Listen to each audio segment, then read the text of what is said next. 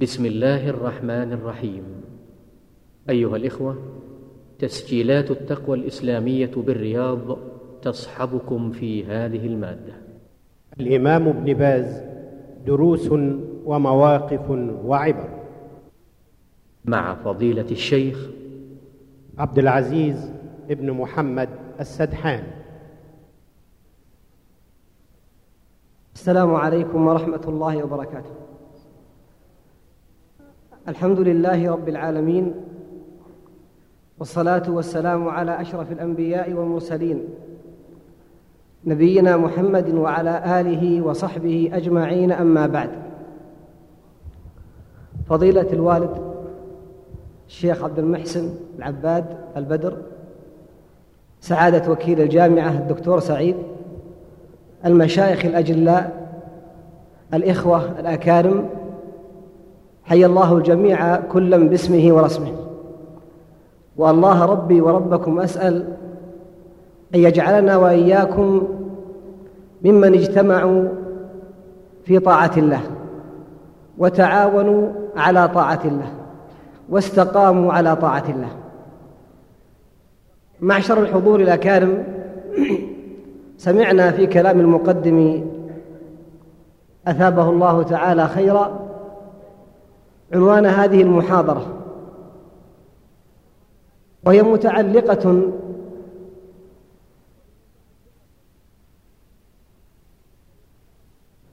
برجل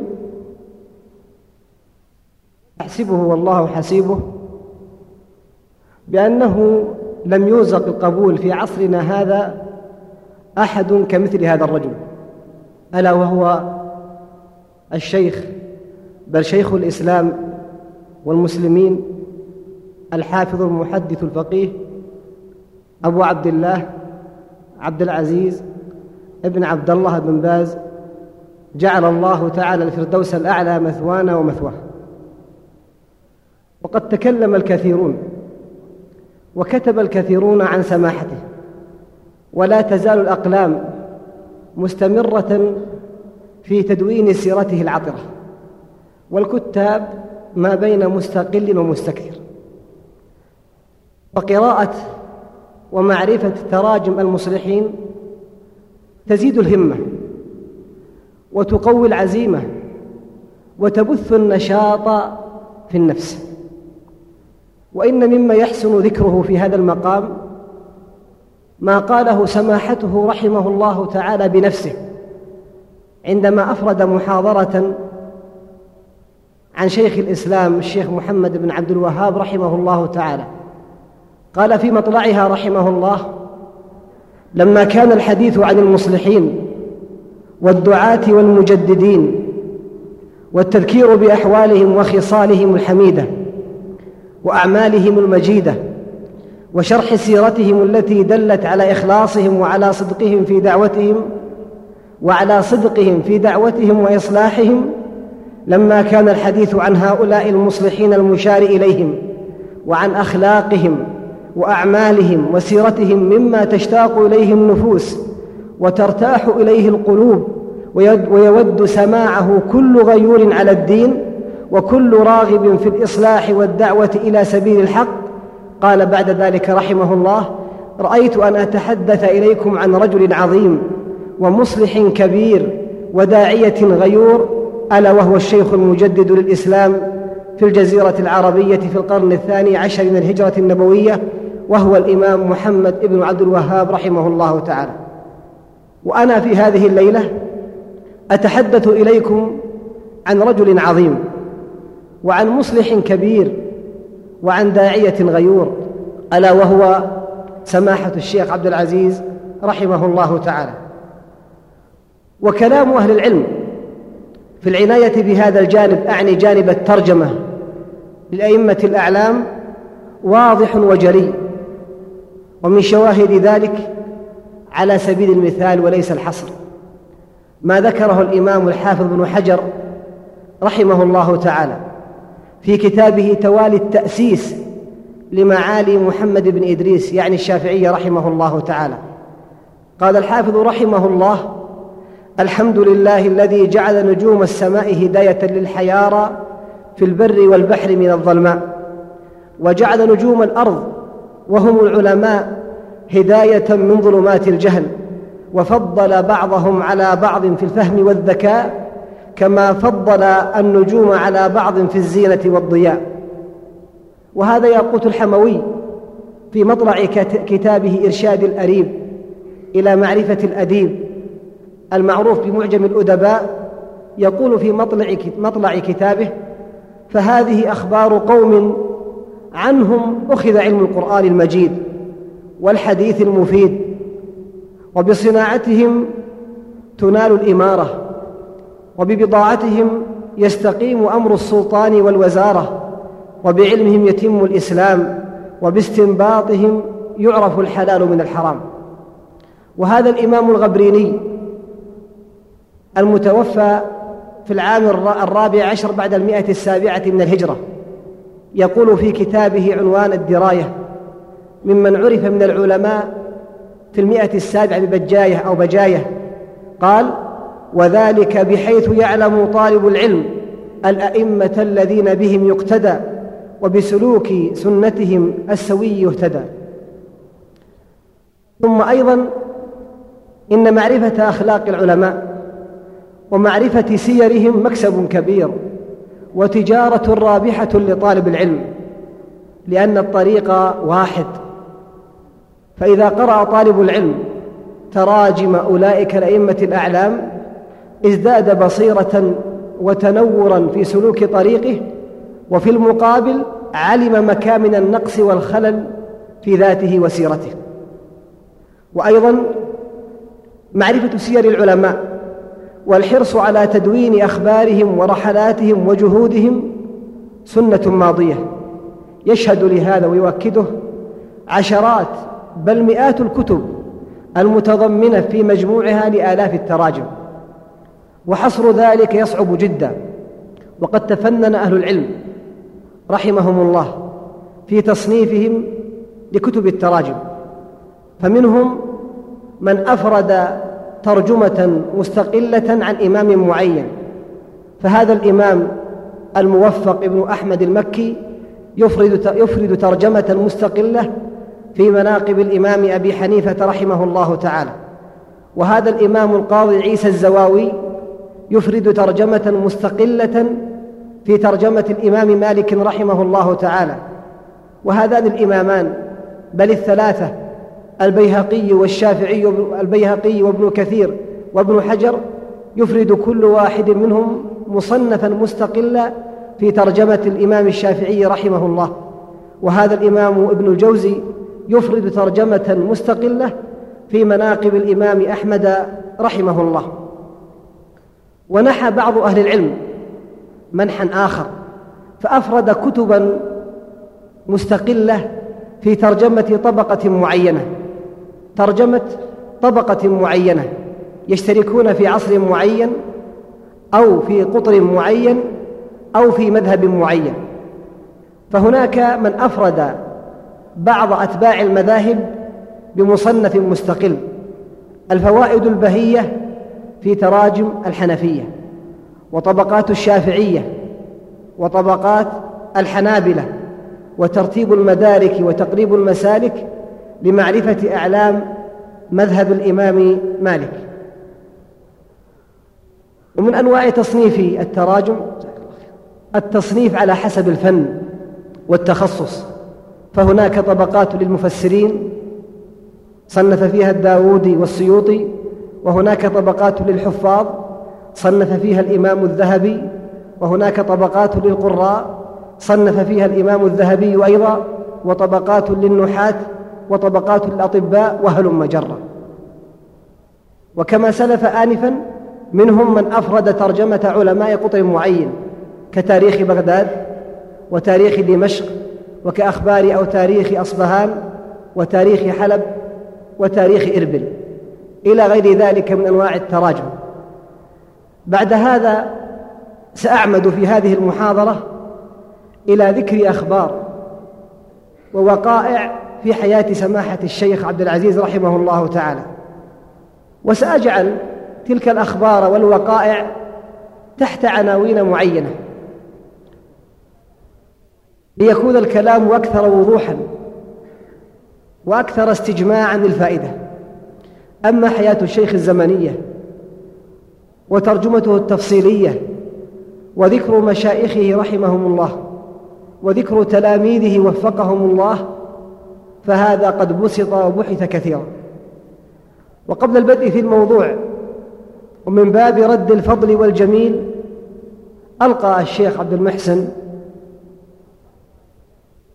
العباد البدر ثابه الله تعالى محاضرة عن سماحة الوالد رحمه الله تعالى في مسجد الجامعة في ليلة الجمعة السادس من شهر صفر من العام العشرين بعد المئة الرابعة والألف. وبكل حال له سابق الفضل في هذه الجامعة في تخصيص محاضرة عن سماحته. ويحضرني قول ابن مالك رحمه الله وهو بسبق حائز تفضيلا مستوجب ثنائي الجميلا والله يقضي بهبات وافرة لي وله في درجات الآخرة. وأقول والله يقضي بهبات وافرة لي وله ولكم في درجات الآخرة. والقصد من ذكر هذه المواقف والدروس والعبر أن يتبصر الإنسان فيها وبخاصة أن يتبصر طالب العلم المحب لسماحته أن يعرف تلك المواقف وأن يعرف كيف تمثل الشيخ السنة فيها.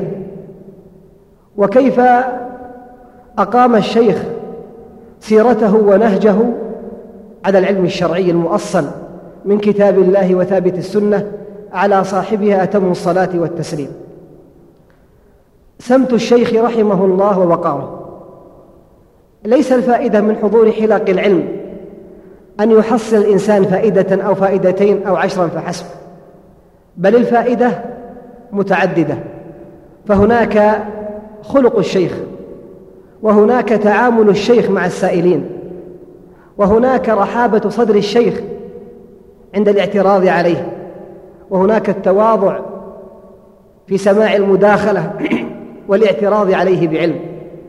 يقول أبو بكر المطوعي رحمه الله حضرت مجلس الإمام أحمد بن حنبل رحمه الله تعالى وهو يقرئ أبناءه المسند اثنتي عشرة سنة.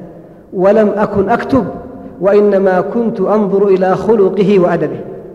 وذكر السمعاني رحمه الله أن مجلس الإمام أحمد رحمه الله كان يحضره ستة آلاف خمسمائة يكتبون والباقون ينظرون إلى خلقه وسمته وأدبه.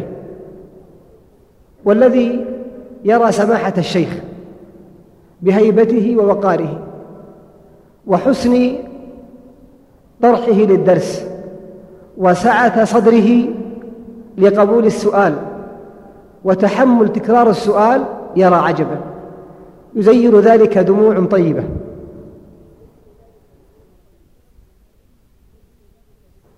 تغلب الشيخ عند ذكر بعض المواقف وكما قال ابن الجوزي عن شيخه الأنماطي استفدت من عبراته أكثر من عباراته.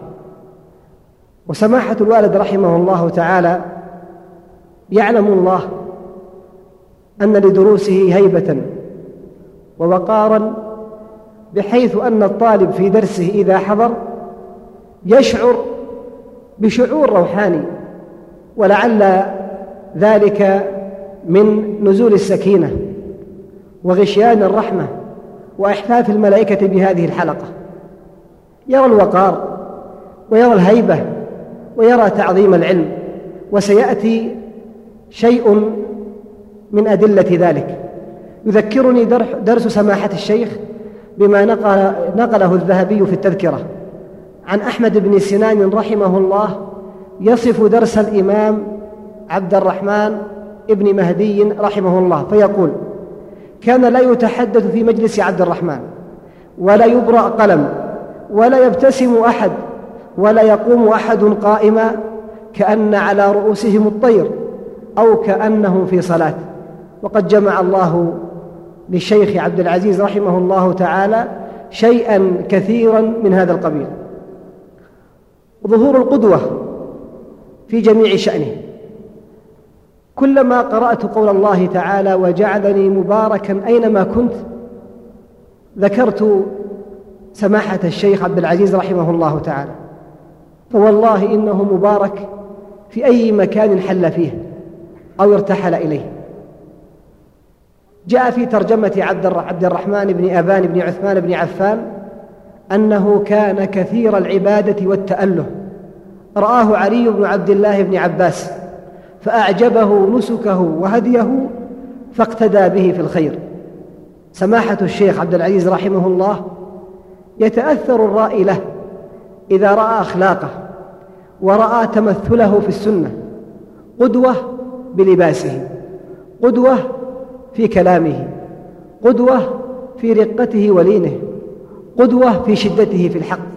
فبحق أنه مبارك أينما كان أحسب ذلك منه والله حسيبه. محافظة الشيخ على وقته رحمه الله. أكاد أجزم أن مجلسا تجلسه مع الشيخ لا يخلو من فائدة. يؤكد ذلك حضوره للأعراس للزواج. حضوره للزيارات الخاصة التي يدعى إليها من بعض الناس. جلوسه في بيته لا تحرم من فائدة. بل وإن تعجب فعجب أنه في المستشفى وعندما كان يتلقى العلاج. أخبرني ابنه أحمد أن سماحة الشيخ لما كان في المستشفى كان يصلي بمن معه وهم أربعة أو خمسة أنفار. فإذا صلى والتفت عقب الصلاة أخذ يعظهم أخذ يعظهم ويذكرهم ويعلمهم. فإذا كان هذا حاله في المرض قل لي بربك كيف حاله في الصحة. وإن تعجب من محافظة الشيخ على وقته ومجالسه فإليك هذا الخبر. حدثني ابنه أحمد أن سماحته رحمه الله كان حريصا على الثواني من وقته وقال حتى في أثناء ركوبه في السيارة يشتغل بالعلم إما إملاء أو سماعا. أخبرني ابنه أحمد. قال قرئ على الشيخ في السيارة كتبا وإليكم بعضا مما ذكر لي. مجموع فتاوى الشيخ محمد بن إبراهيم رحمه الله تعالى. إغاثة اللهفان لابن القيم رحمه الله تعالى. الإقناع لابن المنذر رحمه الله تعالى. كتاب مرويات اللعن في السنة. كتاب دعاء ختم القرآن الكريم. إضافة إلى مجموعة من الرسائل الكثيرة الصغيرة. بل وإن تعجب فعجب من حفاظ الشيخ على وقته. أنه كان يشغل ثواني الثواني بالتسبيح والاستغفار والتهليل. ذكر الإمام السمعاني في كتابه أدب الإملاء والاستملاء أن المحدث إذا ذكر الرجل الأول في السند كان هناك مستملون. المستملي هو الذي ينقل صوت الشيخ إلى من خلفه. وإذا كانت الحلقة كبيرة كان هناك أكثر من مستملي. فكان المحدث إذا قال مثلا حدثنا وكيع ثم المستملي قال حدثنا وكيع يبدأ الشيخ في الاستغفار والتسبيح حتى يرجع الصوت له.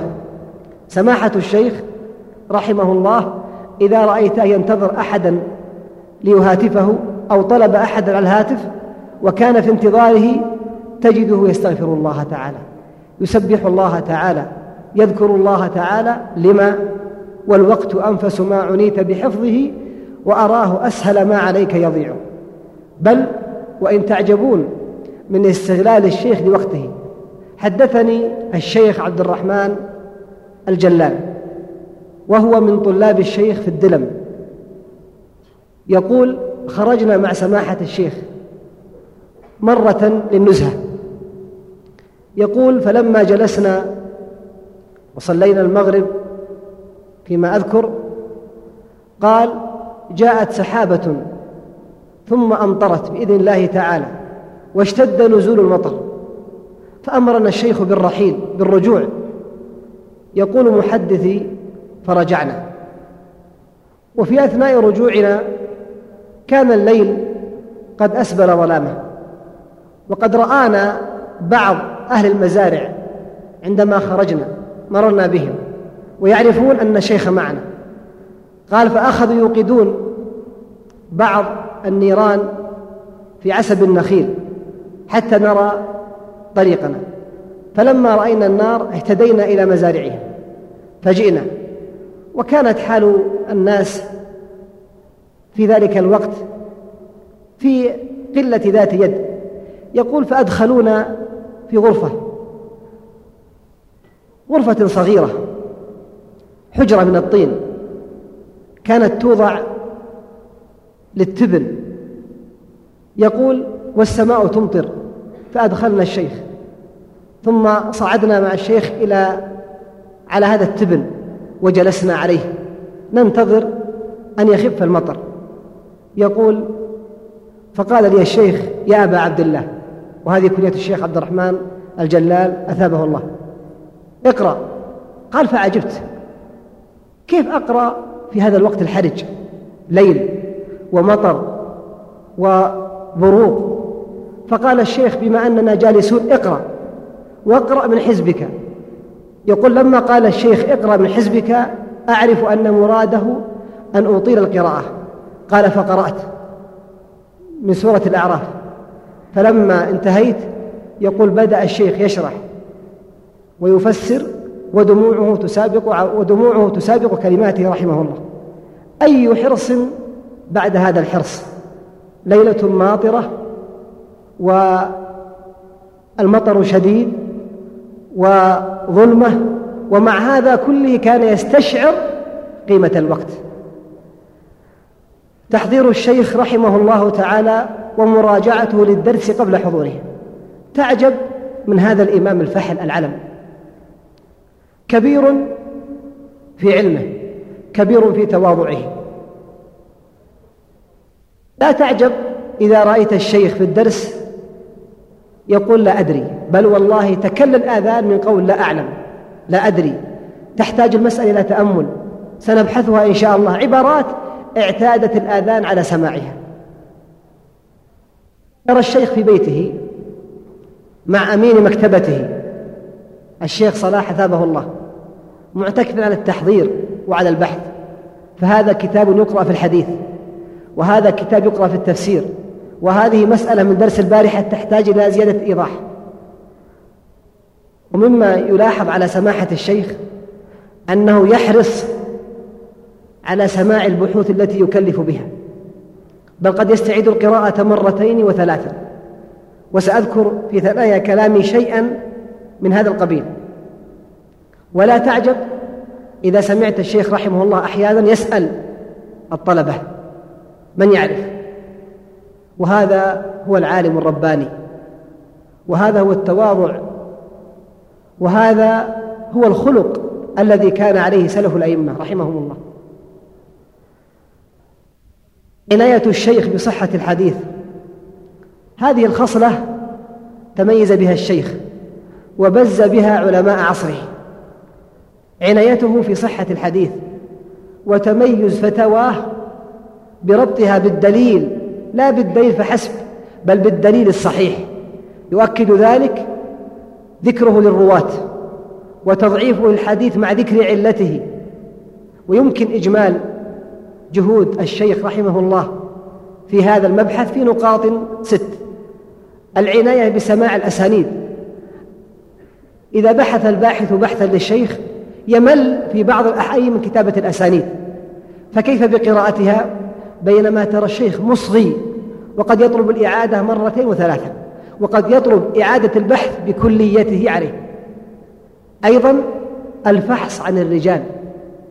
وسماحة الشيخ في درسه التقريب والخلاصة ملازمان للدرس. لا يكادان ينفكان عن درس سماحة الشيخ أيضا العناية بتتبع الطرق والشواهد والمتابعات. أيضا العناية بذكر الصحابي والراوي عند الاستشهاد أو الاستدلال بالحديث. وقل مثل هذا ما ذكرت لك سابقا من التنبيه على الأحاديث الضعيفة ومن سعة علم الشيخ رحمه الله أنه قد يستدرك أحيانا على بعض المصنفين. ومن هنا ينبغي لطالب العلم أن يعتني بالأحاديث الصحيحة. يعاب على بعض طلبة العلم استشهادهم بالأحاديث الضعيفة بل قد يصل في بعض الأحيان إلى الأحاديث الضعيفة جدا بل قد ترى في بعض الكتابات أحاديث موضوعة. وهذا مما يدل على التقصير في الطلب. سئل أحد أئمة القرن التاسع عن خطيب يرتقي المنبر كل جمعة ويستشهد بالأحاديث الضعيفة والموضوعة فأجاب في فتاواه بما معناه أنه يجب عليه أن ينبه من ذلك. فإذا لم ينتهي رفع أمره إلى من بسط الله يده حتى يكفه عن التغرير بالمسلمين ونشر الكذب على مسامع الناس في خطبهم. صبر الشيخ رحمه الله وجلده على البحث. أذكر لكم مثالا أنا كلفت به من سماحته.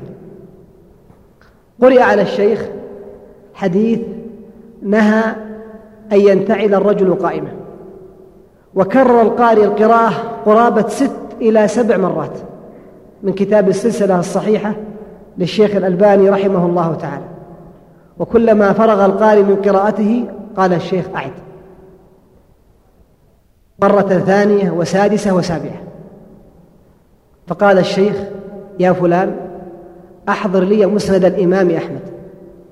فقمت وأحضرته. وقال اقرأ حتى نتأكد. يقول الشيخ هل السند الذي نقله الشيخ ناصر كما هو في المسند؟ فقرأت. وإذا بالسند كما نقله الشيخ. فقال لي الشيخ أحضر سنن ابن ماجه.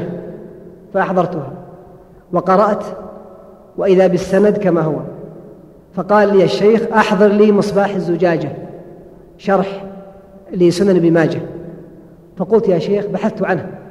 قال أهدي إلي من الهند. ابحث عنه في مكتبتي. بحثت عنه لم أجده. فكتب الشيخ إبراهيم الحصين رحمه الله لي ورقة من إملاء الشيخ وقال لي الشيخ اذهب إلى المكتبة السعودية واطلب نسخ ابن ماجه وتأكد من أن إسناد الحديث في النسخ الخطية كما هو هنا. فذهبت وكان عندهم أربع نسخ فأخذت ثلاثا. وإذا بالحديث كما هو أي بالسند كما هو. فأخبرت الشيخ فقلت يا شيخ عندهم أربع نسخ أخذت ثلاث قال ارجع وتأكد من الرابعة. ثم قال لي وانقل لي السماعات التي في آخر النسخ الخطية. رجعت إلى المكتبة لأنقل السند من النسخة الرابعة ولم يخالجني شك في أنها لن تختلف عن النسخ السابقة. لكن المفاجأة أني لما أخذت النسخة الرابعة وجدت أن الحديث ليس موجودا. فنقلت السماعات وأذكر وهذا الكلام بعيد العهد به في عام 1399 هجرية. أخذت السم... نقلت السماعات. أذكر في آخر النسخ قرأت هذه النسخة على القاضي الإمام محمد بن علي بن علي الشوكاني بحضور أخيه. فأتيت إلى الشيخ رحمه الله في منزله القديم بعد صلاة المغرب. وقلت يا شيخ رجعت إلى النسخة الرابعة. ولم أجد الحديث. فتربع على كرسيه وتبسم ضاحكا وقال ذلك ما كنا نبغي ذلك ما كنا نبغي. ثم قال على من قرئت فقلت على الإمام الشوكاني رحمه الله تعالى. فقال الشيخ ابحثوا لي عن كلام الإمام أحمد عن هذا الحديث.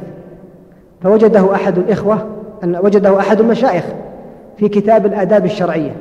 وبعد هذا البحث المضني إذا بالشيخ يعلن الحديث بعلة تدل على تمكنه في العلم. شيخ الإمام ابن ماجه في هذا السند هو رجل اسمه علي بن محمد. علي بن محمد هذا يروي الحديث عن وكيع ابن الجراح الإمام العالم المشهور. كأني أذكر أن الشيخ يقول وكيع بن الجراح إمام مشهور وطلابه كثر فكيف يتفرد هذا الراوي بهذه السنة عن وكيع؟ في هذا شيء في النفس. وهذه تدل أو هذا التعليل يدل على بعد نظره.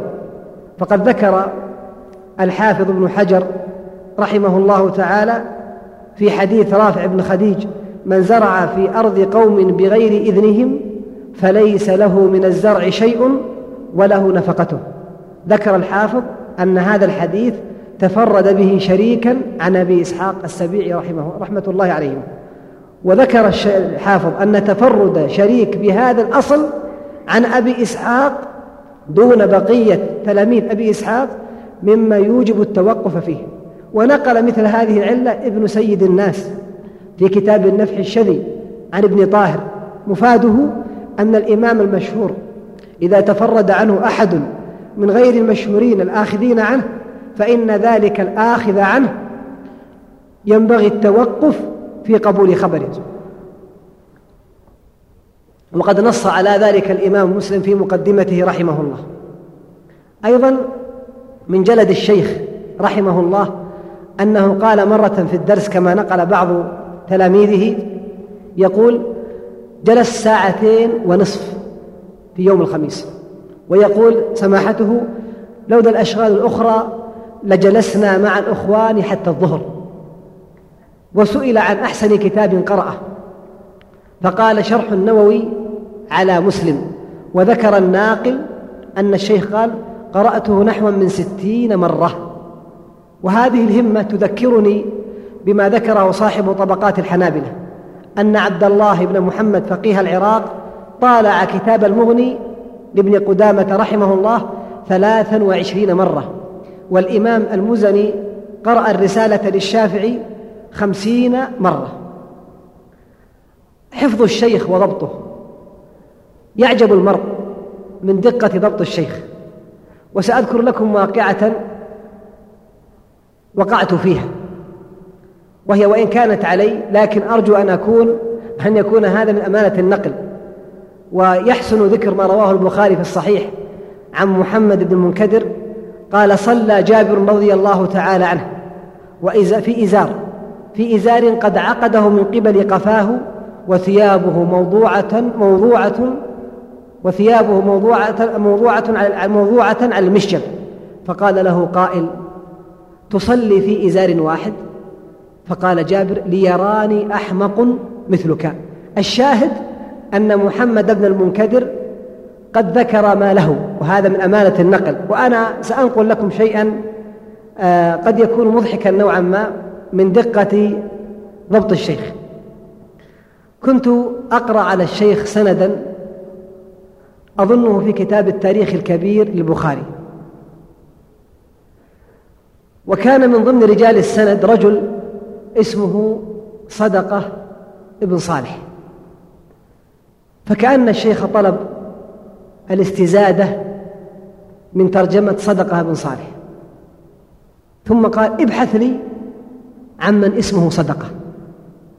فقلبت الصفحات فوقعت عيني على صفحة فيها رجل اسمه صدقة الثوري. فقال اقرأ. فقرأت.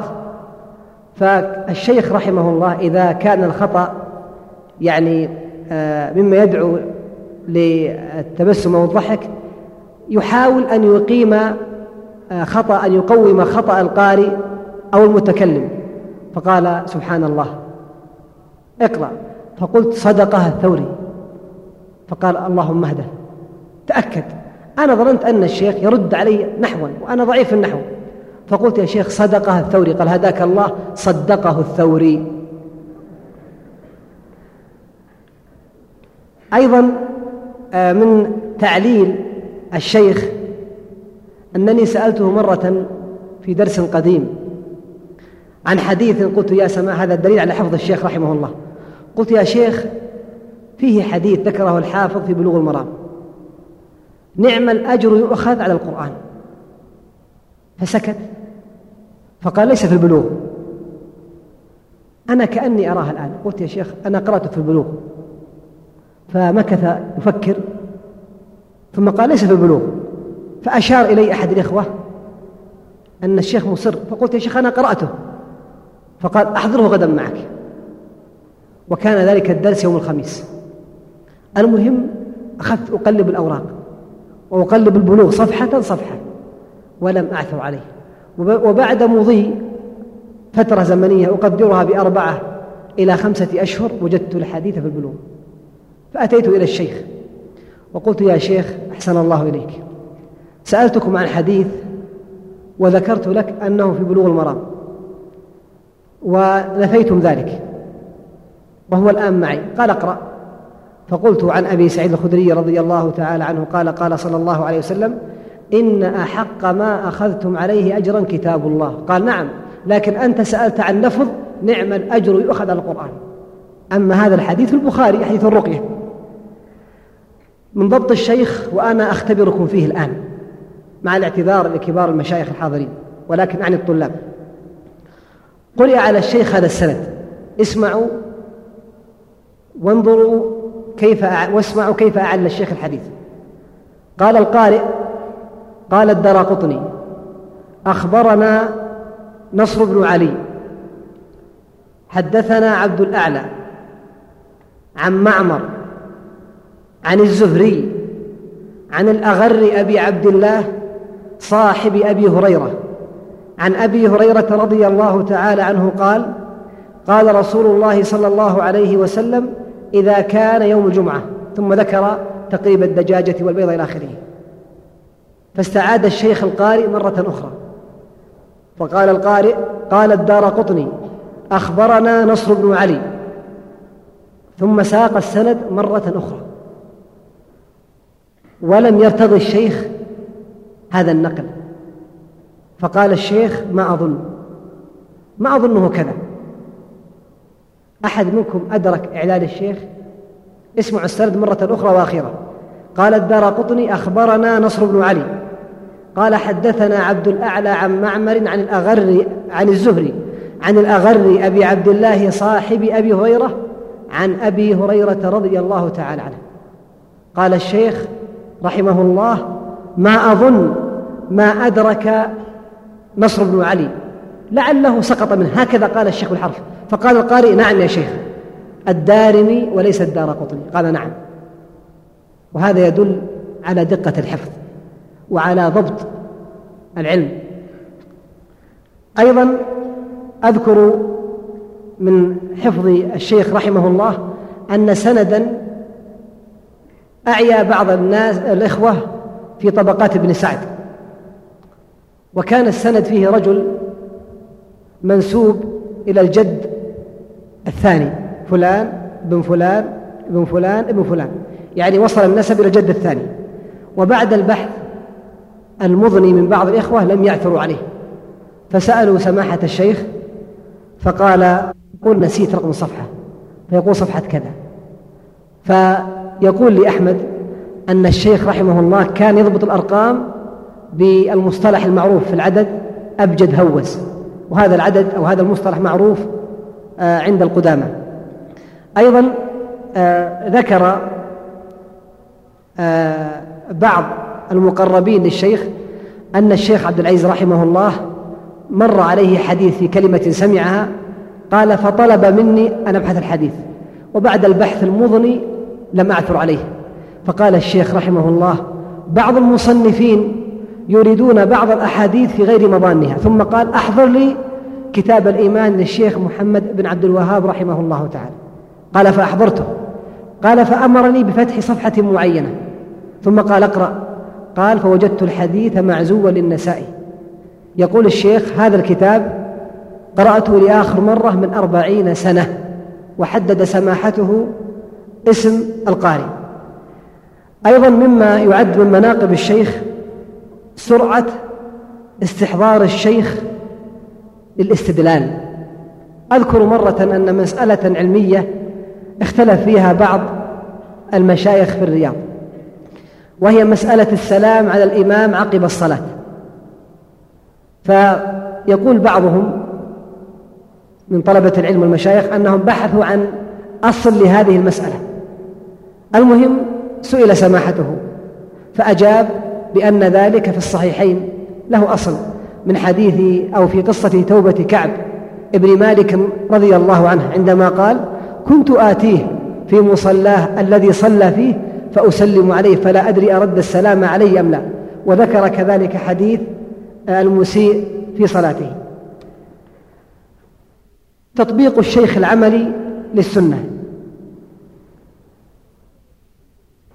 الذي يجلس مع الشيخ في بيته أو في درسه يرى أو يتأثر ويستفيد ويتمثل بإحياء سنن كان يهملها أو قد كان مهملا لها فإذا رأى محافظة الشيخ عليها والمواظبة على على تطبيقها تأثر من ذلك. من تلك السنن متابعة المؤذن. تعودنا أن نرى الشيخ أو تعود الإنسان أن يرى الشيخ إذا أدى المؤذن أن يقطع الكلام سواء كانت الكلام هاتفيا أو مخاطبا لمن حوله. يقطع الكلام حتى يتفرغ لسماع المؤذن. قد ذكر الحافظ ابن حجر في الفتح عن ابن جريج رحمه الله أنه قال كانوا في الزمن الأول ينصتون للمؤذن كإنصاتهم للقراءة وحدثني سعد الداود رئيس الحرس الخاص بسماحة الشيخ عبد العزيز رحمه الله. قال خدمت الشيخ أحد عشر عاما وحفظت من عمله وتطبيقه سننا كثيرة فمن تلك السنن البدء بلبس اليمين عند التنعم يقول سعد من باب الاختبار يقول وفي زحمة الشيخ بعد الفراغ من المحاضرة ومع كثرة السائرين وتوافد الناس عليه كنت أضع أبدأ وأضع نعله الشمال عند قدمه الشمال. يقول فيبدأ يرفع قدمه اليمين يبحث عن القدم اليمين. يقول فأضع الشمال مرة ثانية فيبدأ عن اليمين. وفي المرة الثالثة يطأ القدم الشمال بشماله ثم يبحث عن اليمين حتى يبتدئ بلبسها. وأخبرني أحمد ابنه قال في مرض الشيخ الأخير رحمه الله كان إذا خلع الشراب الذي يرتديه بدأ بالأيسر تطبيقا للسنة حتى في مرض الموت رحمه الله تعالى. وأيضا محافظة الشيخ على سنن أهملها الكثير عملها يسير وأجرها عظيم سنة القدوم من السفر والبدء بصلاة ركعتين. حدثني الشيخ عبد الرحمن بن جلال. من فضلك اقلب الشريط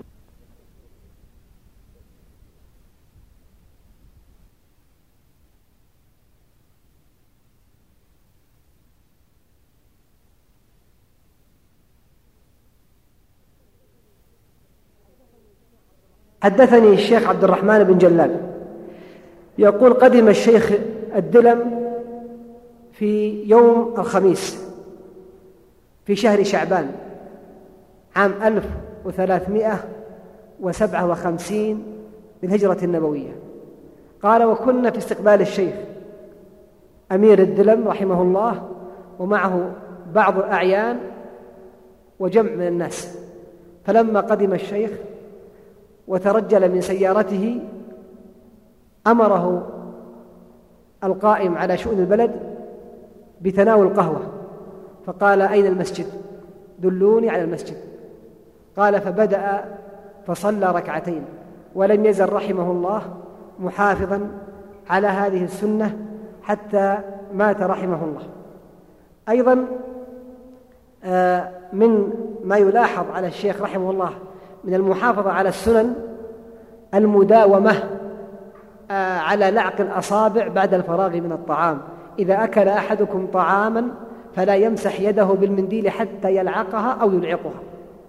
وأخبرني أمين مكتبته الشيخ صلاح ثابه الله أن الشيخ كان إذا صلى إماما فجر جمعة يقرأ بالسجدة والدهر. وهنا فائدة وهي أنه قد وردت زيادة عند الطبراني أن النبي عليه السلام كان يديم ذلك أي يديم القراءة قراءة السجدة والدهر لكن هذه الزيادة فيها كلام. الشاهد من الطرائف ما ذكر في فتاوى الشيخ محمد بن إبراهيم رحمه الله تعالى. يقول آه، الجامع لها الشيخ محمد بن قاسم رحمه الله عن الشيخ قال جاءنا قوم فقالوا يا شيخ صلينا الجمعة يوم الخميس. قال سبحان الله كيف تصلى الجمعة يوم الخميس؟ قال قالوا قرأ إمامنا بالسجدة والدهر فجر الخميس فأقمنا صلاة الجمعة. ولا شك أن هذا من الجهل لأنهم اعتقدوا أنها واجبة أيضا من الوقفات التطبيق العملي في نشر السنة. يقول البخاري رحمه الله باب من صلى بالناس. وهو لا يريد إلا أن يعلمهم صلاة النبي صلى الله عليه وسلم وسنته ثم ساق بإسناده حديث مالك بن الحويرث رضي الله تعالى عنه عندما قال إني لأصلي بكم وما أريد الصلاة أصلي ولكن أصلي كيف رأيت النبي صلى الله عليه وسلم يصلي. ترى سنن عملية في نشر العلم يقوم بها سماحة الشيخ رحمه الله. وهذا مما ينبغي أن يتقصده طالب العلم وبخاصة إذا كان السائل جاهلا أو يخشى أن يلتبس على السائل. ويعرف هذا من صيغة السؤال أو من إلحاح السائل على طلب التفصيل والتزيت في الجواب. فمرة سأل سماحته سائل سأل سماحته سائل عن كيفية مسح الرأس فأزال ما على رأسه ثم مثل بيديه تمثيلا فعليا لأن ذلك أرسخ في ذهن الرائي أو في ذهن السائل. عند نزول المطر كان رحمه الله يحسر عن رأسه وهذا معروف في صحيح مسلم عن سعد بن أبي وقاص رضي الله تعالى عنه أنه قال كان النبي عليه السلام إذا نزل المطر كشف عن بعض بدنه وقال إنه حديث عهد بربه. وفي كتاب أخلاق الشيخ أصفهاني أخلاق النبي صلى الله عليه وسلم لأبي الشيخ. قال عن بعض الصحابة كنا مع النبي صلى الله عليه وسلم فنزل مطر فحسر عن رأسه فحسرنا عن رؤوسنا. تجرد الشيخ في مقولة الحق. وهذا من أعظم وهذه الصفة من أعظم الصفات التي تميز بها سماحته لكنه يقول الحق بعلم وبحكمة. والعجب أن كثيرا أو أن بعض الناس يتحاشى من ذكر الحق الحق واعترض عليه من اعترض ومع هذا كله لم يغير ذلك لم يحرك ساكنا عنده ولم يسكن متحركا. وكذلك فتوى في الصلح مع اليهود بالدليل الشرعي. وهذا العالم الرباني إذا رأى الحق وتبصر بالعلم الشرعي على منهج سلف الأمة؟ قال به. ولو اعترض من اعترض لكن ينبغي أن يتكلم الإنسان بعلم. وقد سأل بعض طلبة بعض المشايخ أو طلبة العلم سأل سماحة الشيخ عن سبب محبة الناس له على رغم اختلافهم فيما بينهم. فاسمعوا إلى جواب الشيخ رحمه الله تعالى. يقول لا أعلم شيئا إلا أني بحمد الله. منذ عرفت الحق في شبابي وأنا أدعو إليه وأصبر على الأذى في ذلك ولا أحابي في ذلك أحدا ولا أداهن في ذلك أحدا. أقول الحق أقول الحق وأصبر على الأذى فإن قبل فالحمد لله وإن لم يقبل فالحمد لله. هذا هو الطريق الذي رسمته لنفسي. مشافهة ومكاتبة. قبله من قبله ورده من رده. ما دمت على بصيرة ما دمت على علم فيما أعتقد. فأنا أقول وإن خالفني من خالفني من الناس فلهم اجتهادهم. والله جل وعلا يعطي المجتهد أجرين إن أصاب وأجرا واحدا إن أخطأ. فلا أعلم سببا إلا هذا السبب. إني أقول الحق بحمد الله حسب طاقتي. وأنشره قولا وعملا ولا أعتب ولا أوذيه وإذا قدرت على ذلك إذا قدرت على ذلك بل أدعو له بالتوفيق والهداية. هذا هو طريقي مع الملوك ومع غير الملوك. يذكر هذا الكلام من سماحته رحمه الله بما ذكره الإمام ابن رجب في كتاب الذيل. في كتاب الذيل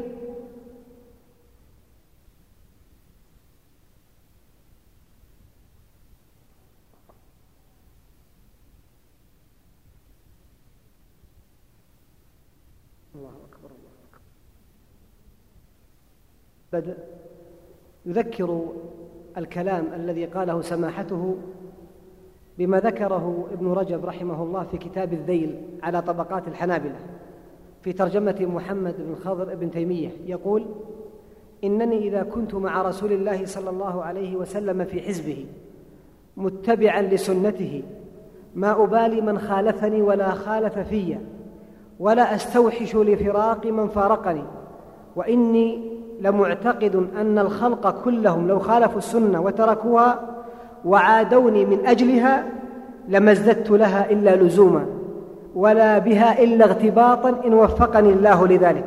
فإن الأمور كلها بيديه وقلوب, وقلوب العباد بين إصبعيه. تعظيم الشيخ رحمه الله للنصوص الشرعية عجب أمره في ذلك. وما أجمل ما ذكره ابن القيم في كتاب الوابل الصيب في علامات تعظيم النصوص. وقد رأينا جميعا وسمعنا من الشيخ أمثلة كثيرة. فإذا ثبت الدليل فحيهلا به. وكثيرا ما تحسم أو ما يحسم النقاش بوصول الدليل إليه. بل يغضب أحيانا. وقد يضطر إلى زجر السائل إذا أراد أو زاد في سؤاله عن الحد المطلوب الذي جاء به الدليل. وأذكر مثالين. الأول فيه نوع من الطرفة ومن تواضع الشيخ. وكل هذا متعلق بتعظيم النصوص. نبدأ بالأمر الأول قبل الطرفة. حضر سماحته من الطائف. يقول حارسه الشخصي أو رئيس حرسه سعد يقول استقبلناه في المطار يوم الخميس ثم ذهبنا مباشرة إلى الجامع ليتولى التعليق والإجابة على الأسئلة بعد الندوة. ولاحظ الجهد البدني من السفر من الطائف إلى الرياض ومن المطار إلى الجامع وبعد الفراغ من الأسئلة والتعليق على الندوة وعندما خرج أخرج بعدما ركب في السيارة أو قبل الركوب أخرج ورقة من جيبه. قال سعد فقرأتها فإذا فيها دعوة زواج والقصر بعيد. فقلت يا شيخ القصر أنت متعب وتحتاج إلى الراحة فلو ألغيت ذلك الموعد. فيقول سأل الجنود الشيخ أحد منكم يعرف القصر؟ يقول سعد أنا أعرفه. ويعني فرحت أن الشيخ ما سألني. فقال الجنود لا نعرفه. فقال الشيخ سعد تعرف القصر؟ قلت نعم. فقلت يا شيخ. فقال ماذا أقول لربي؟ من دعي إلى عرس أو نحوه فليجب استعن بالله. فذهب الشيخ ولبى دعوة الداعي. من الطرائف أن رجلا يبدو أنه صاحب دعابة. قال للشيخ يا شيخ عبد العزيز. قال نعم. قال أنت تقول بأنه ينبغي أو يجب أن يحضر الإنسان دعوة الزواج؟ قال نعم. إذا لم يكن فيها منكر ولم تكن على موعد سابق. قال يا شيخ ما عندي ما هناك منكر ولا في موعد سابق. قال لابد أن تحضر. احضر. قال وإذا ما حضرت فالشيخ يعني كأنه ألزمه قال احضر. قال يا شيخ يعني إذا كان ما فيها منكر ولم أكن مرتبطا بموعد سابق أحضر؟ قال نعم. قال يا شيخ أنا أدعوك غدا على زواج ولدي. ففجأ الشيخ فقال سأل من معه فقال ليس عندك موعد. قال نحضر إن شاء الله. أي رجوع إلى الحق مع أنه لو وقعت لبعض الناس قد يأنف ويقول أنت استدرجتني إذا من تعجل شيئا قبل أوانه عوقب بحرمانه. لا منهج الشيخ لا. ما دام أنه ثبت النص الشرعي وفي ذلك قربة فلا حرج. التثبت أيضا من تعظيم الشيخ للنص الشرعي. دعاه أحد السفراء إلى الإفطار فأفطر مع جمع من الضيوف. ثم لما أراد الصلاة قال صاحب الدعوة نصلي في البيت جماعة يا شيخ. فأطلق الشيخ ثم ضرب بعصاه الأرض وقال من سمع النداء فلم يجب فلا صلاته قوموا. فاذهبوا إلى المسجد. فقام القوم كلهم وصلوا جماعة في المسجد. مواقف الإنسان قد يضعف قد لا مؤاخذة يذل. لكن من جعل السنة نصب عينيه بورك له وفتح الله له. التثبت في نقل الأخبار. كان سماحته مثال يحتذى. والأصل فيه أنه يحمل الناس على المحمل الحسن ويتثبت إذا بلغه خبر. وهنا أيها الإخوة ينبغي أن يكون هذا منهج طالب العلم وأن لا يصدق كل خبر يسمعه. أنت قدوة وكلامك يؤخذ وقد تدان به فاحرص واجعل نصب عينيك. إن جاءكم فاسق بنبأ فتثبتوا.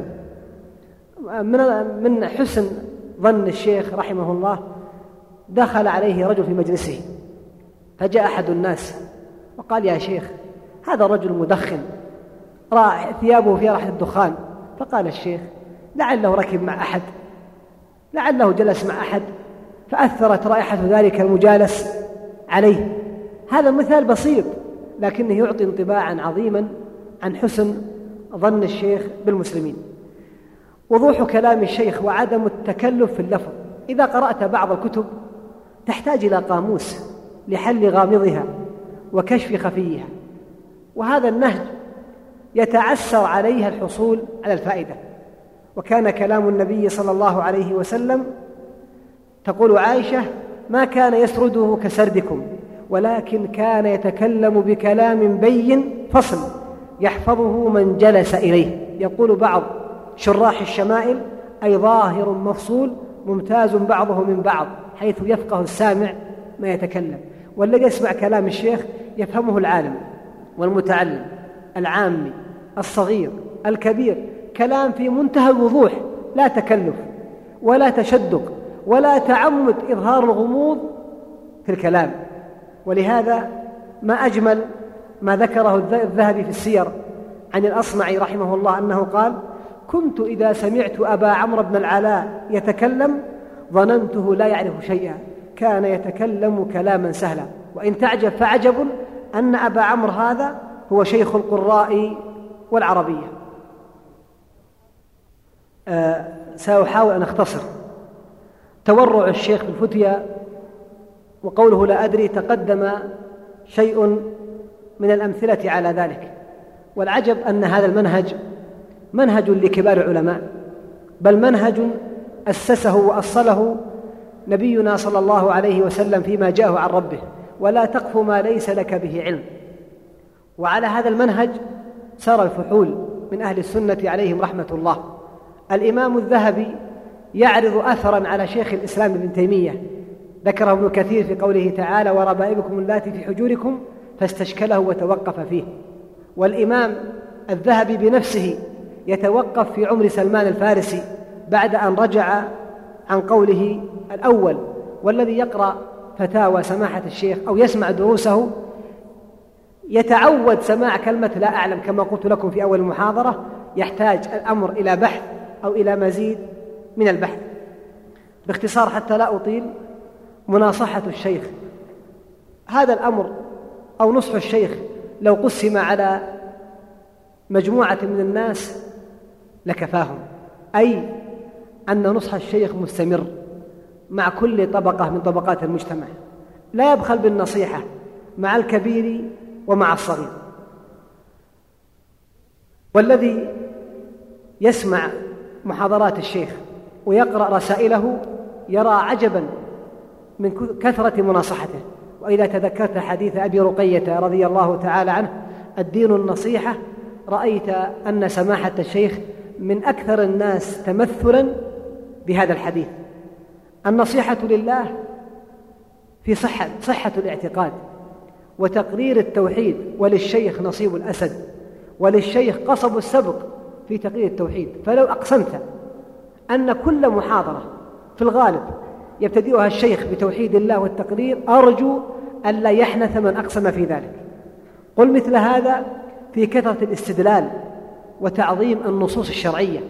أيضا من النصيحة لله غيرته الشديدة على من أنكر أو على من خالف الدليل الشرعي الصحيح. أيضا رد الشيخ الشفهي ورده الكتابي على الفرق الضالة وبيان ضلالها ناهيك عن تحذيره من البدع من صغيرها وكبيرها. النصيحة لكتاب الله ما أكثر ما أوصى الشيخ بكلام الله بكتاب الله بقراءته بتدبره بالتمعن فيما قاله أهل العلم في تفاسيرهم. النصيحة للنبي للرسول صلى الله عليه وسلم بالحث على اتباع سنته والحث على نشر السنة وإرسال دعاة السنة إلى كل مكان. النصيحة لأئمة المسلمين. نصيحته للحكام المكتوبة ليس فقط الحكام عندنا بل إلى حكام كثيرين يناصحهم يدعو لهم يبين لهم الحق برفق وعلم وإدراك. ثم الدعاء. أخبرني الشيخ صلاح أن سماحة الشيخ كان يكثر الدعاء لولاة الأمور ويقول والله لا أحصي الشيخ في مواطن الإجابة في عرفة وفي الطواف وفي السعي يكثر الدعاء لولاة الأمور. وهذا من بعد نظر الشيخ ومن فقهه ومن ورعه لو كانت لي دعوة مجابة لجعلتها في السلطان. أيضا النصيحة العامة لعموم المسلمين. كم تكحلت أعيننا برؤية هذه العبارة من عبد العزيز بن عبد الله بن باز إلى عموم من يراه من المسلمين. وكم سمعناها مرارا. وكم تليت المساجد. وهذا دليل على نصح الشيخ رحمه الله تعالى ومحبته للخير أو محبته للناس أن يسلكوا دروب الخير. شفاعة الشيخ للمحتاجين من يشفع شفاعة حسنة يكون له نصيب منها. يقول بعض المفسرين والشافع مأجور سواء قبلت شفاعته أو ردت شفاعته لأن الله تعالى بين أن النصيب يكون بمجرد الشفاعة. والنبي صلى الله عليه وسلم يقول اشفعوا تؤجروا. والشاعر في بيتين في بيت يقول اشفع إذا كنت مسؤولا فربتما سألت ما كنت مسؤولا فلم تجبي لا تمنعن يد المعروف ويقول الآخر لا تمنعن يد المعروف من أحد ما دمت مقتدرا فالسعد تارات قد مات قوم وما ماتت مكارمهم وقد عاش قوم وهم في الناس أموات. الشيخ مات لكن مكارمه حية براقة مضيئة في كل مكان. جاء في طبقات الحنابلة في ترجمة الإمام أحمد بن محمد بن أحمد بن محمد بن قدامة أنه كثيرا ما يكتب إلى أرباب الولايات شفاعات. تذكرونا جميعا بالشيخ عبد العزيز رحمه الله. يكتب إلى الولاة شفاعات. فقال له المتولي يوما صاحب السلطة إنك تكتب إلينا في قوم لا نريد أن نقبل فيهم شفاعة ونشتهي ألا نرد رقعتك. فقال أما أنا فقد قضيت حاجة من قصدني وأنتم إن أردتم أن تقبلوا ورقتي وإلا فلا. فقال لا نردها, لا نردها أبدا. وفي تاريخ إربل كان أبو المظفر الخزاعي يلزم نفسه بقضاء حوائج الناس ويرفعها إلى المتولي عليه فيوقع بقضائها. ومرة قال له أيها الشيخ ربما وقع ضجر من إنهائك ما تنهيه. فقال أنا لا أزال أكتب. فإن قضيت حاجة من كتبت فذلك الغرض وإن لم تقضى فقد أعذرت ولا أتأثر بذلك. وفي السير أن الإمام بقي بن مخلد رحمه الله مشى مع رجل إلى أشبيلية بقضاء حاجة له وهكذا ينبغي أن يكون طالب العلم شفاعا للمحتاجين إذا كان مقتدرا. وسماحة الشيخ معروف بشفاعاته وهنا شفاعات قد تكون من الشفاعات العظيمة لسماحته. من أعظم شفاعات الشيخ شفاعته لعلماء الصومال عندما حكم عليهم بالإعدام فكلم سماحته ولاة الأمور فبادروا أثابهم الله إلى الكلام مع من له الأمر فأعفوا أو أنجاهم الله تعالى من القتل. هنيئا للشيخ وهنيئا لمن أعان الشيخ ومن أحياها فكأنما أحيا الناس جميعا. وشفاعة الشيخ للشيخ ناصر الباني رحمه الله بالبقاء في الأردن عندما أرادوا إخراجه كتب إلى ملكها كتابا فيه النصح والتذكير بمقام الشيخ فما كان من المسؤول هناك إلا أن وافق على إبقاء الشيخ. وهذا أمر ظاهر للشيخ عبد العزيز رحمه الله وما يخفى أكثر. حرص الشيخ على أداء عمله براءة للذمة وعلى قضاء الحوائج. أستطيع أن أقول إن الشيخ يقوم بأعمال لو قسمت على سبعة بل على عشرة لكفتهم وقد تزيد عن حاجتهم. ومع هذا كان رحمه الله يقابل تلك الأعمال بصدر رحب وهو ينهج منهج من كان قبله من السلف. ذكر الذهبي أن عمرو بن الحارث المصري كان يخرج من داره فيرى الناس صفوفا يسألون عن القرآن والحديث والفقه والشعر والعربية والحساب فيجيب كل على سؤاله. وفي السير أن الإمام مالكا رحمه الله كان يأتي المسجد فيشهد الصلوات والصلوات والجمعة والجنائز ويعود المرضى ويجلس في المسجد فيجتمع إليه أصحابه مع كثرة أشغاله رحمه الله. والذي يرى تزاحم الناس على سماحة الشيخ يرى العجب. جميع طبقات الناس هذا كبير هذا صغير هذا طالب علم هذا عامي هذا عسكري هذا مدني هذا يطلب حاجة هذا يطلب مالا مباشرا هذا يريد الذهاب مع الشيخ والشيخ بصدر رحب يعطي كلا حاجته على قدر جهده واستطاعته رحمه الله تعالى. أيضا من العجيب في تحامله على نفسه ما حدثني به ابنه أحمد. يقول لما اشتد مرض الشيخ وأصابه نوع من التقيؤ ألزمه الأطباء بالمبيت في المستشفى. فذهب رحمه الله بعد صلاة العشاء واقترح عليه الأطباء أن يبقى يوما كاملا حتى يكون تحت المراقبة فجلس إلى الضحى من الغد يعني نصف يوم. فلما قاربت الساعة التاسعة يقول أن الشيخ قال نتوجه إلى المكتب قال أحمد فحاولت أن أثنيه عن رأيه لكنه أصر فقلت إذن يا والدي إلى مكتب المنزل فسكت لكنه أصر على الذهاب إلى مكتب الإفتاء. يقول فكلم أحد المسؤولين الكبار فحاولت أن يكلم الشيخ ونحن في السيارة حتى يقنعه بلزوم منزله للراحة فكلمه المسؤول.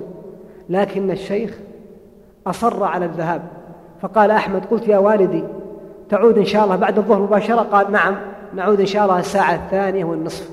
وعاد الشيخ الساعة الثانية والنصف متحامل على نفسه.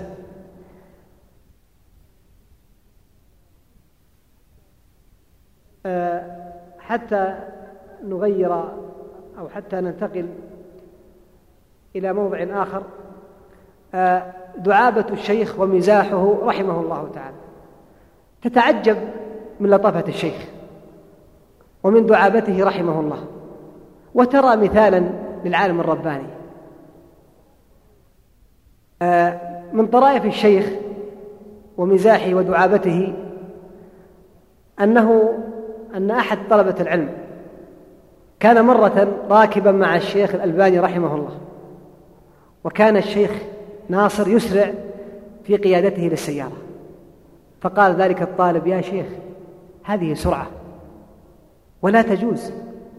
والشيخ بن باز رحمه الله تعالى أخبر أن ذلك من إلقاء النفس التهلكة أو كلام ما معناه. فضحك الشيخ الألباني وقال هذه فتيا من لم يجرب فن القيادة. يقول قلت يا شيخ سأنقل هذا الكلام إلى الشيخ عبد العزيز. قال أنقله. علماء أهل سنة أهل سنة فرجع بقصد أن العلماء أهل السنة دائما بينهم اللطف والمداعبة لأن قلوبهم سليمة. يقول السائل فقابلت الشيخ في مكة؟ عبد العزيز رحمه الله. وأخبرته بكلامي مع الشيخ وأخبرته بكلام الشيخ لي فضحك الشيخ. وقال قل له هذه فتوى من لم يجرب دفع الدية. وكان الشيخ رحمه الله من دعاباته إذا جاء عنده أناس بعد صلاة العشاء قال تعشوا معنا. فإذا تعذروا أو تعذر أحدهم قال أنت تخاف لامرأتك. إذا كنت لا تخاف اجلس معنا. تعش. فإن كنت تخاف فاذهب. فيضطر المدعو إلى الجلوس ومرة قال لبعض طلبة العلم لما لا تعدد الزواج؟ قال يا شيخ أنا موحد. قال مسكين هذا توحيد الخائفين. ومن الطرائف وإذا كان معنا طبيب يعذرني. معنا أطباء هنا وليس معنا أطباء معنا طبيب يرفع يده الطبيب كان معنا أحد. يعني آخذ حريتي. كان الشيخ رحمه الله يأكل على عشائه وكان عند أحد الإخوة المهتمين بالطب. ومن حرصي على الشيخ يقول يا شيخ دع عنك هذا الأكل. هذا فيه كوليسترول هذا فيه كذا هذا فيه كذا. والشيخ يأكل. وأكثر من حرصي أتابعه الله أكثر الكلام عن الشيخ. والشيخ يأكل. فقام الشيخ ليغسل بعد الأكل وقام مع أحد المشايخ والطبيب جالس. فقال ذلك الشيخ يا شيخ عبد العزيز من هذا الرجل اللي يقول لك كذا وكذا؟ قال هذا طبيب ولكن خذوا خل خذوا خل. يعني العبارة عندنا هذه خذوا خل. يعني كلام مثل ما قال اليوم الشيخ عبد المحسن في مجلس قال دلوا من ماء ودلوا من طين. يعني مرة يأتي بكلام سليم ومرة يأتي بكلام سقيم.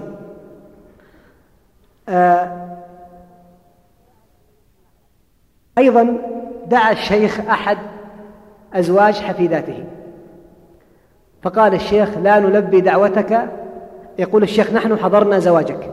فإذا تزوجت مرة أخرى حضرنا زواجك. فذهب الزوج وأخبر امرأته فكلمت الشيخ معاتبة. فطيب الشيخ خاطرها وأخبرها أنه يداعبها وأتى الشيخ رحمه الله وتناول أو لبى دعوتهم. ومن العجائب أن أحد الناس ممن قدموا الحج أو العمرة أراد استخراج إقامة فعجز. فقال يا شيخ عبد العزيز قال نعم. قال رأيت الرسول في المنام عليه الصلاة والسلام. فشكوت له حالتي فقال اذهب إلى الشيخ بن باز يقضي حاجتك. فضحك الشيخ وقال لعلك لم ترى الرسول ولكن اكتب لنا أو ارفع لنا أحد يزكيك وسنسعى إن شاء الله في بعض ما نستطيع. وهناك بعض الدعابات يطول ذكرها لكن يكتفي بهذا. اجتهاد الشيخ رحمه الله في العبادة. آه قال وكيع بن الجراح كان الأعمش قريبا من سبعين سنة لم تفته التكبيرة الأولى. وقال القاضي تقي الدين ابن سليمان لم أصلي الفريضة قط منفردا إلا مرتين وكأني لم أصلها. وقال محمد بن سماعة لم تفتني تكبيرة الإحرام منذ أربعين سنة. وقال الشعبي رحمه الله ما أقيمت الصلاة منذ عقلتها إلا وأنا على وضوء همة عالية همة جبل أشم. سماحة الشيخ قدوة مثال يحتذى في حرصه على العبادة في تبكيره إلى المسجد محافظته على سنن الرواتب. أما الأذكار فأمر عجب. أذكار الصباح والمساء. يقول لي عن اجتهاده ابنه أحمد يقول منذ عرفت والدي وهو يقوم قبل الفجر بساعة ويصلي إحدى عشرة ركعة. وطالب العلم ينبغي أن يكون مثالا يحتدى به. قدوة في عباداته في جميع شأنه. ولهذا يؤخذ على بعض طلبة العلم التثاقل أو كثرة قضاء الصلاة المكتوبة وبخاصة صلاة الفجر. التفريط في النوافل وأن تعلم أن العامة إذا رأوا طالب العلم جعلوه قدوة لهم فإن أساء أساءوا واحتجوا به وإن أحسن أحسن أحسنوا وتأثروا به وكان له كأجرهم لا ينقص من أجرهم شيئا. زهده رحمه الله في متاع الدنيا. أذكر مثالين في هذه المدينة الطيبة. لما أرادوا أن يملكونه بيتا رفض ذلك. وأمر أن يكون البيت باسم رئيس الجامعة يسكنه إذا تولى رئاستها ولما في الآونة الأخيرة اشتد مرضه رحمه الله آه، قبل عفوا قبل أربع سنين اشتكى الشيخ من ركبته. فأراد ولي الأمر أثابه الله أن يبني للشيخ بيتا بلا درج حتى لا يتكلف في الصعود. ولما استشاروه في أي مكان يوضع البيت. قال الشيخ بعد أن دعا له خيرا ليس في العمر بقية ويكفينا هذا البيت الذي نحن فيه. سلامة قلبه على المسلمين. كلكم يعلم قول الله تعالى ربنا لا تجعل في قلوبنا غلا للذين آمنوا. ويعلم ذلك الحديث الذي مفاده أن رجلا قال عنه النبي عليه السلام يدخل عليكم من هذا الفج رجل من أهل الجنة. وآخر وفي آخر الحديث أنه لن يضع جنبه على فراشه وفي قلبه غل على أحد من المسلمين. قال زيد بن أسلم رحمه الله دخل على أبي دجانة رضي الله تعالى عنه ووجهه يتهلل فقيل له ما لوجهك يتهلل؟ قال ما من عمل شيء ما من عمل شيء أوثق, أوثق, أوثق عندي من اثنتين كنت لا أتكلم فيما لا يعنيني أما الأخرى فكان قلبي للمسلمين سليما. أذكر أمثلة على سلامة قلب الشيخ. أولها سألته أنا بنفسي في سيارته. قلت يا شيخ عبد العزيز كلام مفاده أنك ما أعلم أحدا إلا يحبك من صغير أو كبير أو ذكر أو أنثى. وهذا أمر شبه متفق عليه. فما السر يا شيخ في ذلك؟ فحاول الشيخ رحمه الله أن يتعذر من الجواب. المهم أني لما كررت السؤال مرة أو مرتين قال ما معناه؟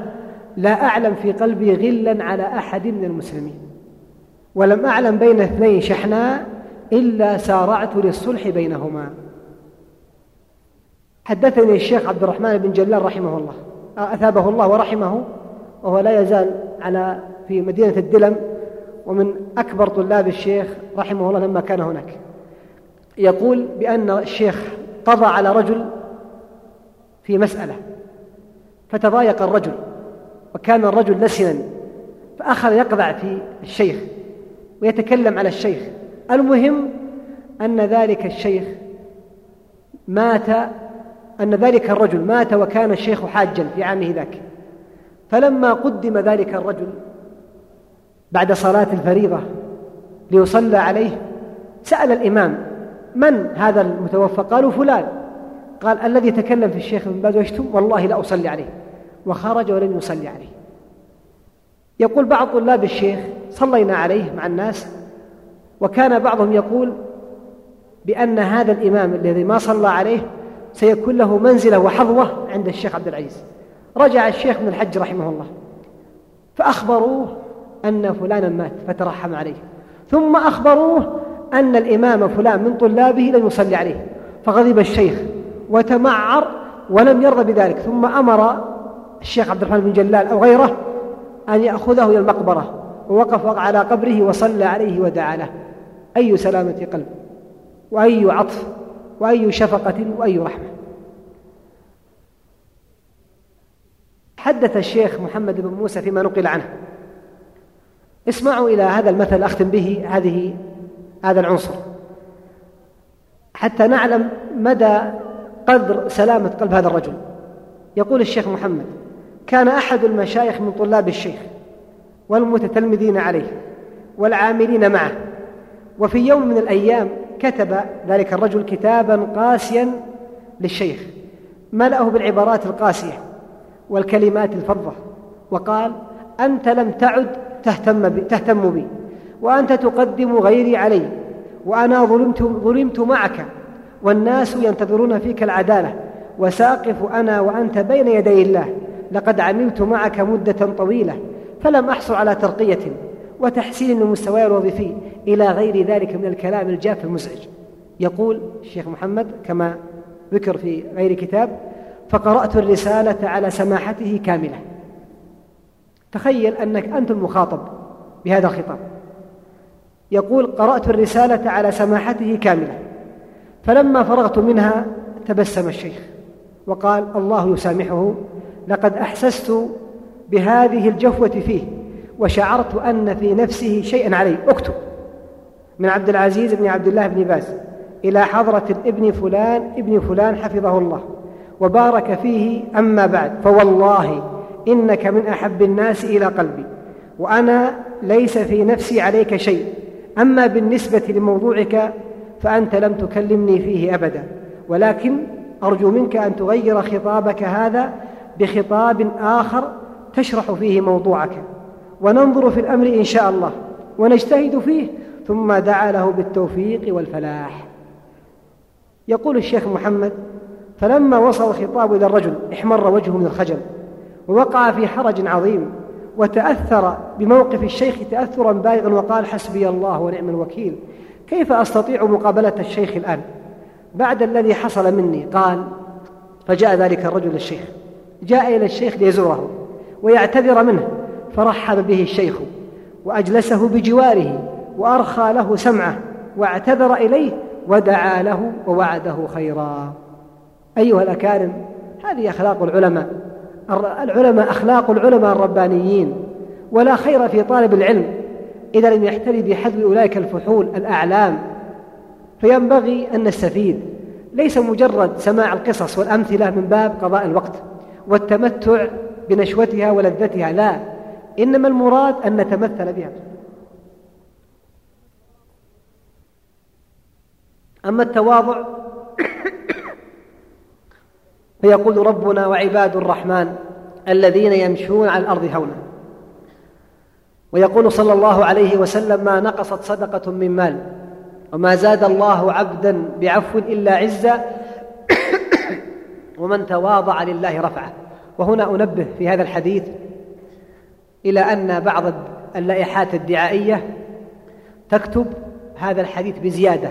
ما نقصت صدقة من مال يكتبون بل تزده بل تزده. وهذه الزيادة الذي أعرف أنها خطأ من جهة النحو وخطأ من جهة العزو. أما النحو فالأصل أن يقول بل تزيده ولها تقدير بل تزده ثانيا الذي في مسلم بدون هذه الزيادة. فينبغي لمن أراد أن ينشر شيئا من سنة الرسول صلى الله عليه وسلم أن يتأكد وأن يتثبت فيما يكتب. حتى لا يتأثم بما ينشر. تواضع تكن كالنجم لاح لناظر على طبقات الماء وهو رفيع. ولا تبغي تكن كالدخان يرفع نفسه إلى طبقات الجو وهو وضيع. الشيخ آية من آيات الله في التواضع. يدل لذلك أن فقير المسلمين يجد عنده من الرحابة والتقدير ما لا يحظى به عند غيره.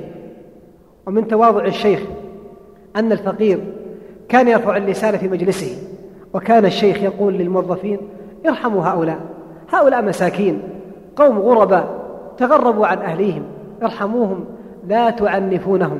يقول النبي عليه الصلاة والسلام ابغوني في ضعفائكم. من تواضع الشيخ رحمه الله وحلمه أنني حضرت درسا له قديم.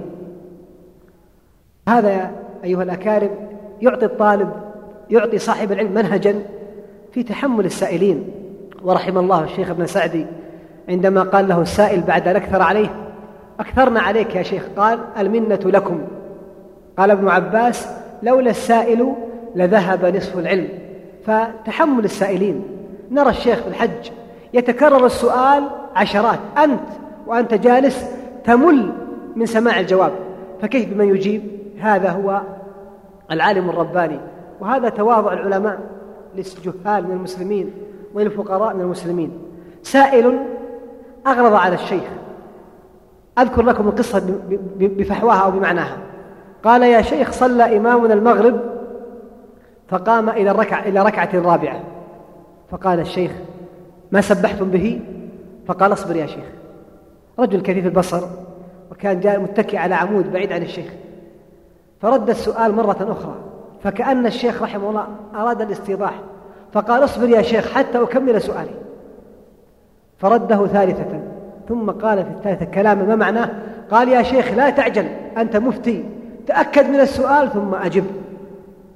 أنت تتمعر وأنت جالس فأرخى الشيخ سمعه. فلما سأله قال إن إمامنا قام للركعة الرابعة في صلاة المغرب. ولما سألناه عن ذلك قال لم أقرأ الفاتحة في الركعة الثالثة. أذكر أن الشيخ قال له أمهلنا ثلاثة أيام حتى نبحث هذه المسألة. أيها الإخوة لم تكتمل بعد مادة هذا الشريط. ولذلك نرجو أن تتابعوا ما تبقى من هذه المادة على الشريط التالي.